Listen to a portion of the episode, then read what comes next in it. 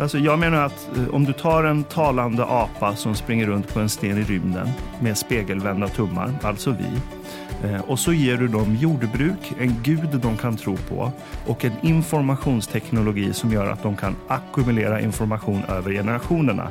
Då kommer det poppa ut civilisation av det hela förr eller senare.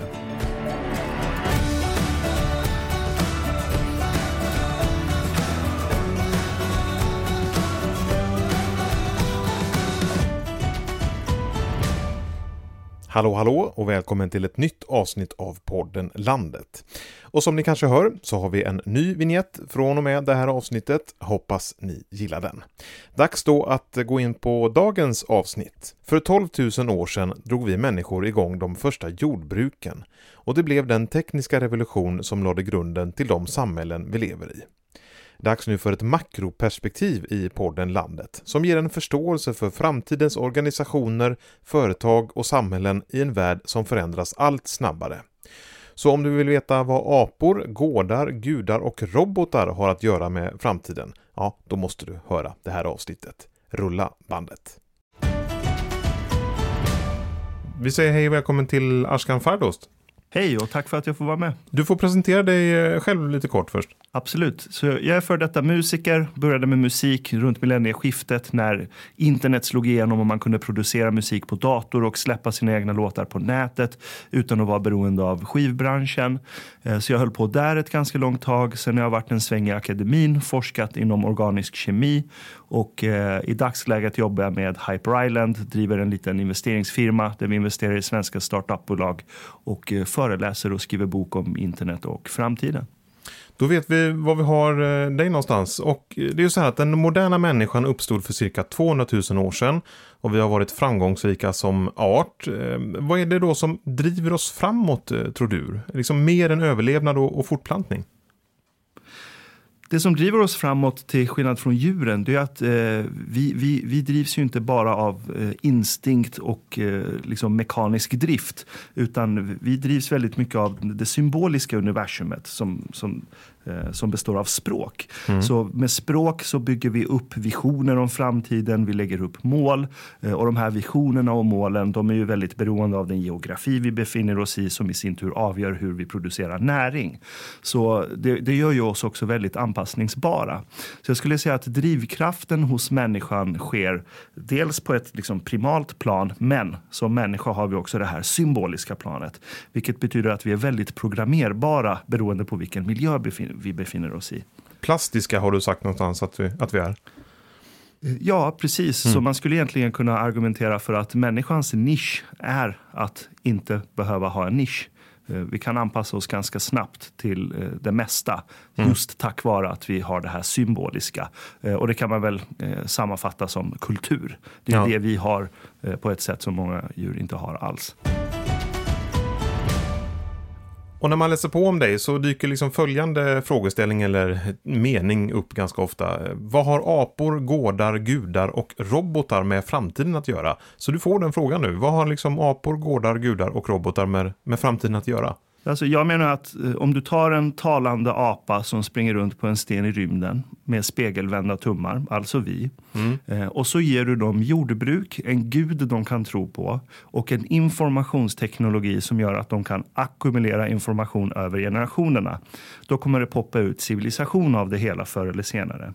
Och för mänsklig civilisation börjar ju egentligen när vi går ifrån det här nomadiska jägar-samlarsamhället, eh, den miljö vi egentligen är revolutionärt stöpta till att fungera i. Men eh, för, för cirka 12 000 år sedan så började vi skifta till jordbruk. Och vad som händer när vi skiftar till jordbruk är att vi kan nu börja producera mat i överflöd.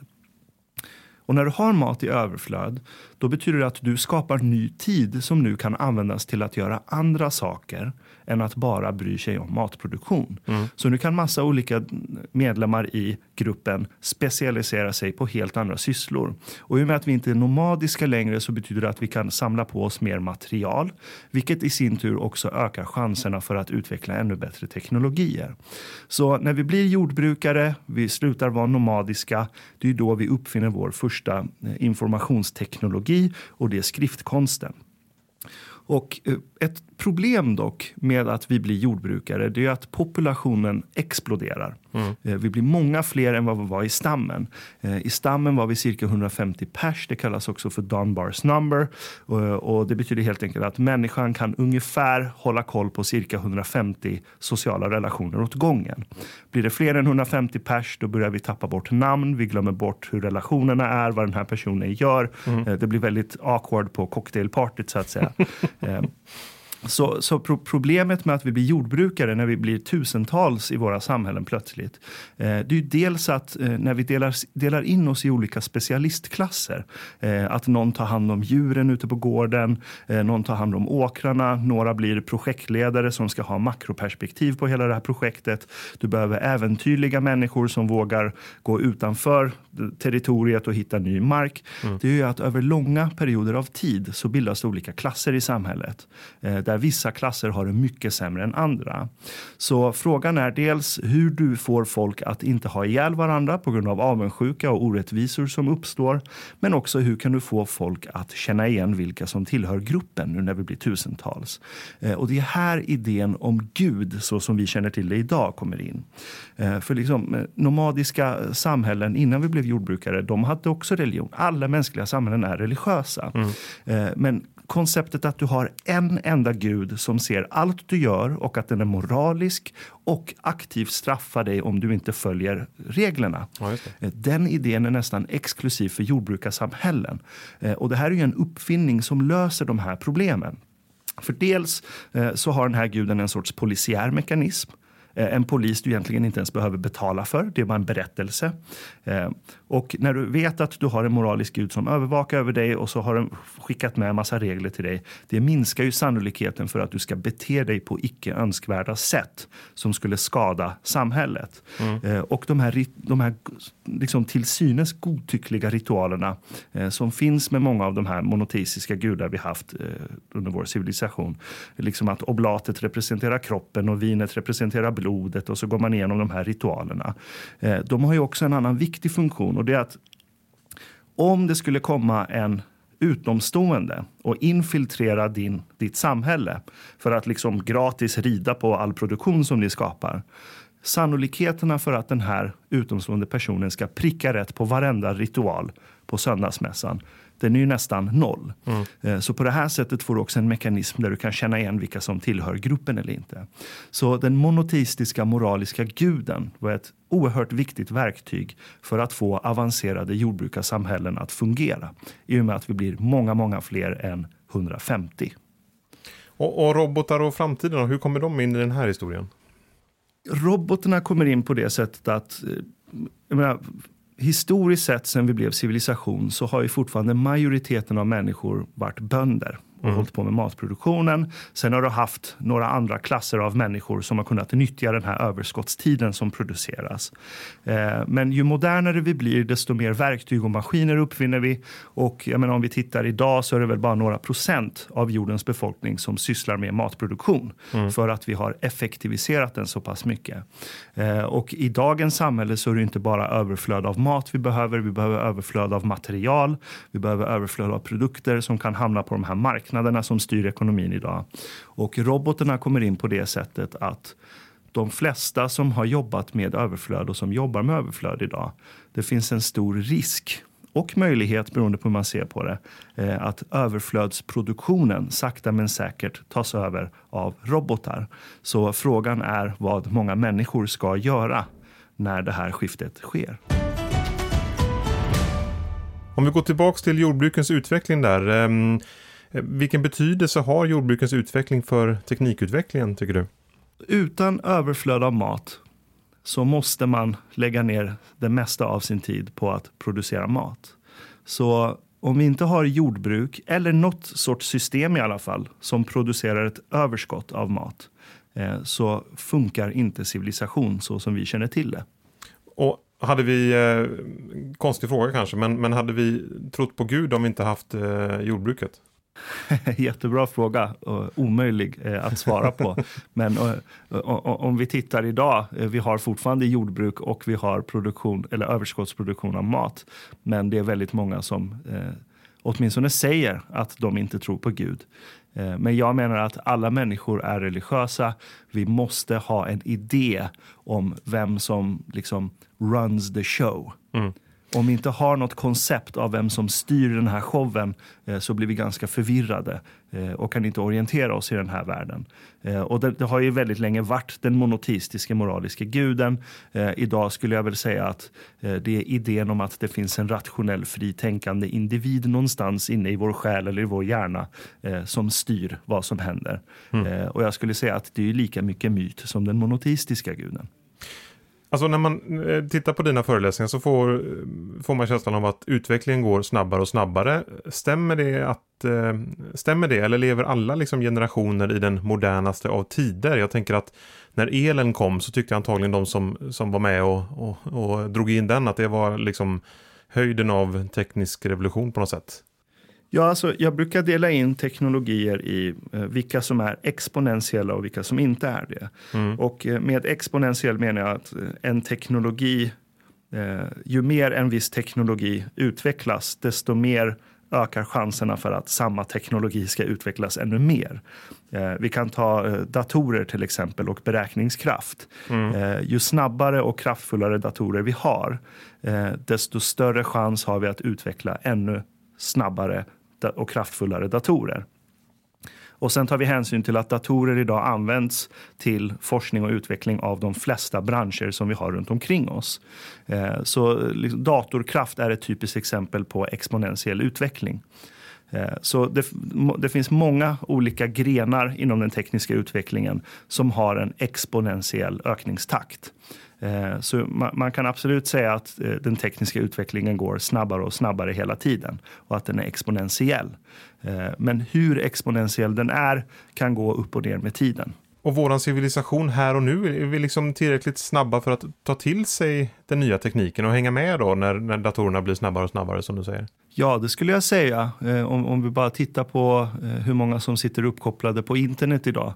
Eh, det är strax över 4 miljarder människor, så över hälften av jordens befolkning sitter nu uppkopplade i ett gigantiskt nätverk mm. där en tanke från en människa kan överföras till en annan människas hjärna inom förloppet av bara några sekunder. Mm. Så visst, vi är väldigt duktiga på att ta till oss teknologi när det får ett tillräckligt eh, användbart gränssnitt så att säga. Just det.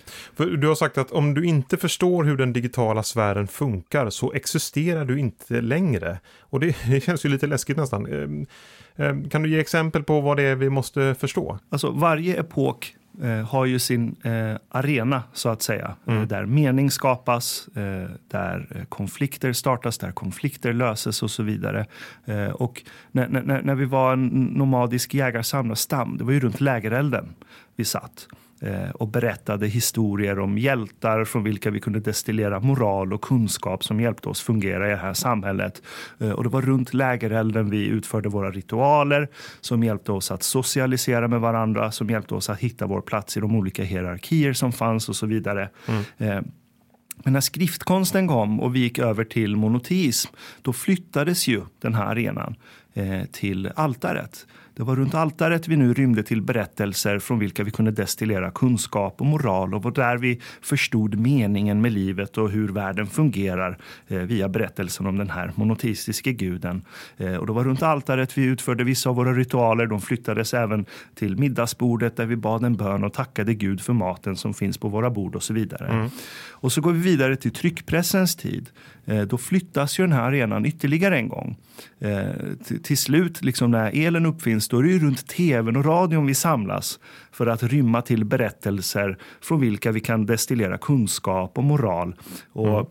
Ritualerna flyttar ju sig egentligen till shoppingcentret om man ska vara ganska krass. Mm. för att ritualerna är ju också ett socialiseringsverktyg. Det är genom ritualerna vi visar hur duktiga vi är på att liksom följa den här meningen och vara en viktig del av samhället.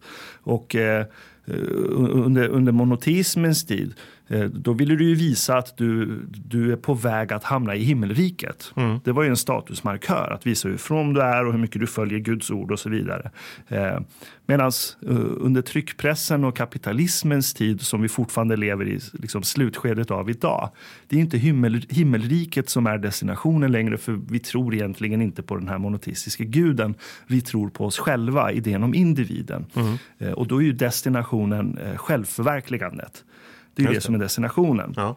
Och jag brukar fråga folk så här, hur många självförverkligande människor har du någonsin träffat? eh, och liksom, då blir man ganska konfunderad för att svaret är ju ingen. Nej. Hela poängen är att du inte ska kunna nå slutdestinationen. Det är därför den är så attraktiv. Eh, för att du vet knappt om den finns men du vill verkligen komma dit.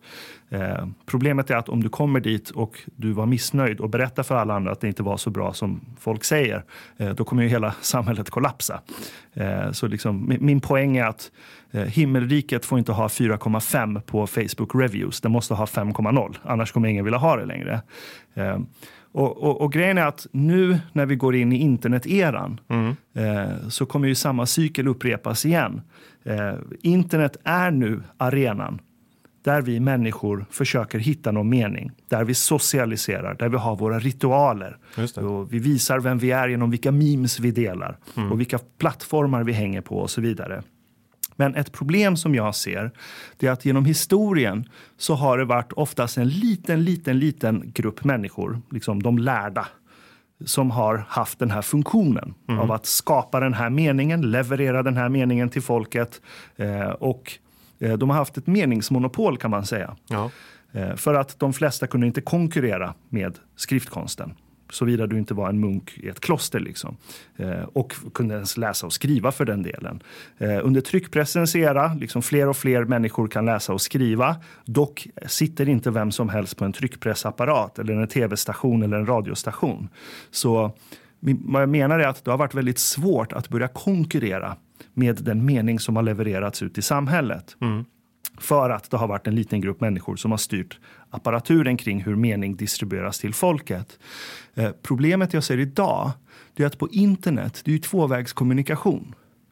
Och jag mm. menar att det blir allt svårare att det ska vara en liten grupp människor som skapar en sorts mening som passar det rådande ekonomiska system som håller på att formas och sen basunera ut det här till folk och förvänta sig att folk ska följa det här.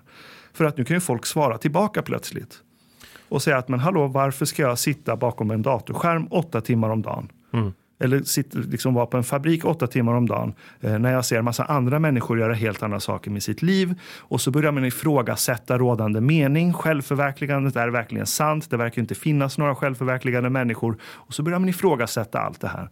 Eh, och jag tror att det här kommer leda till att vi går tillbaks egentligen till stammen.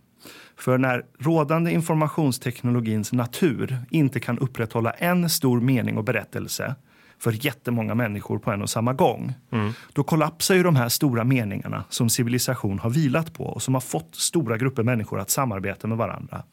Eh, så därför tror jag att vi går tillbaks till det liksom, normaltillståndet, vilket är stamtillståndet. Eh, men att stammen nu är digital och mm. den är global. Så om du inte förstår hur den digitala sfären funkar och inte inser att ingen kommer leverera någon sorts mening till dig och ge dig någon destination och så kommer du följa det och så kommer allting bli bra. Tvärtom, du måste lista ut vad dina talanger är, mm. vad du är duktig på och vad du kan bidra med. Och så måste du hitta en eller flera stammar som har som vision att uträtta någonting stort och du har någonting du kan bidra till den här stammen med.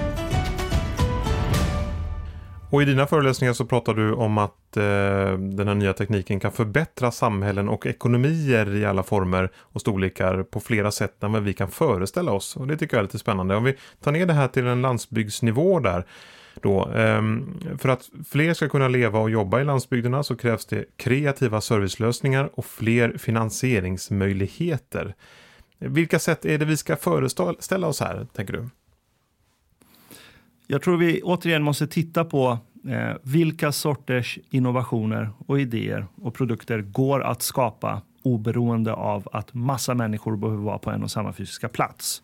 Eh, och vilka som eh, är beroende av det. Eh, så att vi inte tänker att okay, men nu är allting digitalt, då spelar inte den fysiska platsen någon roll. Eh, och så försöker man skapa något som visar sig vara beroende av att jättemånga människor befinner sig på samma fysiska plats och måste ha snabb tillgång till olika andra fysiska utbud som till exempel snabba leveranser av saker och ting och så vidare. Så vi måste börja kartlägga det först. Med det sagt, ett av mina favoritexempel Eh, på innovation när det gäller eh, landsbygd. Mm. Det är eh, projektet Godmorgon Östersund. Ja, just det. Och, och, jag menar att de har gjort exakt den kartläggningen. De har tänkt, okej, okay, vilka sorters yrken eller vilka funktioner i olika yrken till och med. De är nere på den eh, nivån av granularitet. Mm. Eh, vilka olika funktioner i olika eh, liksom, bolag är oberoende av den fysiska platsen. Eh, och så har de eh, nått ut till de olika bolagen som de har som hypotes har funktioner som inte är beroende av den fysiska platsen. Eh, och så har de byggt Godmorgon Östersund kring det. Att eh, det spelar ingen roll om ditt högkvarter är i Hongkong eller Berlin. Du kommer kunna utföra ditt jobb härifrån. Eh, samtidigt som du har fysisk närhet till andra människor eh, eh på plats, men som nödvändigtvis inte jobbar med samma bolag och projekt som du gör. Du har sagt också att den som är med från början får enorma konkurrensfördelar. Eh, det skulle vara spännande att höra vilka dina bästa råd är till personer och företagare utanför storstäderna här. Precis. Eh, de som är från början eh, kommer alltid få ett försprång, eller kommer oftast få ett försprång. Vi kan titta på när tryckpressen gör entré mm. och börjar skaka om hur vi skapar värde och överflöd. Och de som var på framkant just då, det var ju de som vi idag när vi läser i historieböckerna i skolan kallar för handelsmännen. Mm. För de råkade vara på rätt plats vid rätt tid och de råkade ha rätt intressen också. Eh, de var äventyrliga, de var riskbenägna, de vågade sätta, sätta sig på de här nya båtarna som man nu plötsligt kunde producera och bygga. Och så åkte de till fjärran land, länder eh, och liksom upptäckte kryddor och material och textiler som de importerade. Och så började de lägga grunden för eh, utbud och efterfrågan. Och med hjälp av tryckpress kunde man ju snabbt sprida information om hur man bygger snabbare och bättre båtar. Och du kunde snabbt sprida information om vart det finns liksom efterfrågan, vart det finns utbud på olika material. Mm. Eh, så de här människorna råkade av ren kosmisk tur eh, vara på rätt plats vid rätt tid och ha rätt sorts intressen, alltså lagda åt rätt håll helt enkelt för den miljö som höll på att skapas. Och sakta men säkert började de samla på sig mer rikedom och mer makt eh, och började lägga grunden för det som blev industriell kapitalism. Eh, och om vi tittar idag, mm. eh, när internet nu har gjort sitt intåg och är dominerande informationsteknologi världen över, Eh, då skulle jag säga att eh, det är människor som har en väldigt hög social förmåga som är, som kommer förmodligen ha större försprång än andra. Okay. För när det sitter över fyra miljarder människor eh, uppkopplade, där alla sitter och bara babblar och babblar och babblar och bara information produceras i ett överflöd som ingen människa har tid att ens ta in. Nej. Då är det ju de som är bäst på att höras som kommer plocka hem mycket av värdet som skapas. På gott och på ont såklart. Mm. Eh, men, men när jag säger social förmåga, då ska man inte tänka att så här, men då måste du vara en superextrovert människa som gillar att stå på scen och prata och liksom, eh, få massa uppmärksamhet. Det är inte den sortens social förmåga som nödvändigtvis är viktigast. Nej, okay. eh, utan det är, det, det, är förmågan egentligen att kunna bryta ut från det här bruset som att, internet är. Att förstå digitala tekniken också då givetvis. Eh, absolut, det är, det är, en del av det. Mm. Eh, men eh, den digitala tekniken i sig eh, är nog det minsta problemet. Det stora problemet är, eh, skapar du något som ens är värt att bry sig om? Vi närmar oss slutet på det här samtalet och jag vill ta ännu ett citat från dig. I en värld där kunskap är gratis så är dina idéer det enda som är värt att betala för. Har du någon idé som du beundrar att människan kom på som du vill lyfta fram här? Skulle säga att mitt favoritprojekt just nu, sen måste jag lägga till egentligen ett tillägg till det där citatet. Mm. Eh, är, bara själva idén räcker förstås inte, du måste kunna exekvera på den här idén också. Ja. Eh, men, men, men, att sitta och bara repetera kunskap som du har läst i böcker, eh, det kommer bli allt svårare att konkurrera med. Eh, för nu sitter liksom allt fler människor än någonsin på samma böcker och samma material och samma föreläsningar från alla toppuniversitet. Eh, så den konkurrenskraften eh, börjar försvinna. Mm. Så om du har någon radikal idé som skapar enormt värde och du kan exekvera på det. Det är det som är värt att betala för. Men jag skulle säga att mitt favoritprojekt just nu är dels Open Insulin, men också ett annat projekt som heter Open Bionics. Eh, okay. Och eh, det är ett eh, bolag från Storbritannien som, som bygger proteser, armproteser. Och vad de gör är väldigt radikalt. tidigt när de grundades så var deras strategi att okej, okay, vår kundgrupp när vår produkt blir mogen eh, och eh, kommer köpa eller kommer behöva armproteser. Eh, det kommer vara människor som har växt upp i en värld med helt andra förutsättningar än tidigare. Och de tänkte att en stor del av vår kundgrupp i framtiden kommer vara människor som är gamers. Aha. Så vad de gör är att de går ihop, de går ihop med ett jättestort gamingbolag i Kanada eh, som har skapat ett spel som heter Deus Ex. Det är ja. ett så här science fiction-spel som handlar om att man kan byta ut sina naturliga kroppsdelar mot syntetiska kroppsdelar så att du blir starkare och smartare och kan göra saker mm. som vanliga människor inte kan. Ja. Eh, så de, de designar sina proteser utifrån de här syntetiska superproteserna som finns i det här spelet. Eh, så människor som tidigare liksom kände sig som en patient som har en tråkig så här, medicinskt ful protes har nu istället en protes som gör att de ser ut som en superhjälte. Mm. Och det tycker jag är väldigt genialiskt. Nu har de såklart breddat utbudet. De har samarbeten med Marvel, Disney där du kan liksom ha massa olika häftiga proteser istället. Och jag tycker det är helt fantastiskt. Men vad jag tycker är nästan ännu mer fantastiskt är att själva produkten de bygger, tekniken, det är öppen källkod. Så på ja. deras hemsida så kan du ladda ner 3D-filerna för hela den här protesen. Du kan ladda ner kretskorts eh, eh, blueprinten för den här protesen. Så vad du behöver egentligen det är en 3D-skrivare, material och någon som kan löda kretskort. Eh, och så behöver du inte betala det här bolaget en enda krona för att få tillgång till tekniken i sig. Det var nog första gången som vi har pratat proteser i den här podden, men, men det, det ska vi också eh, få in. Ashkan Fardos, tack så hemskt mycket för att du var med i podden Landet. Stort tack för att jag fick vara med. Ja men hörni, det gäller att vara alert. Det kan vara så att framtiden just passerade. Med de slutorden så säger jag, Peter Gropman, tack för att du har lyssnat. Fler avsnitt finns som vanligt på landsbygdsnätverket.se. På återhörande.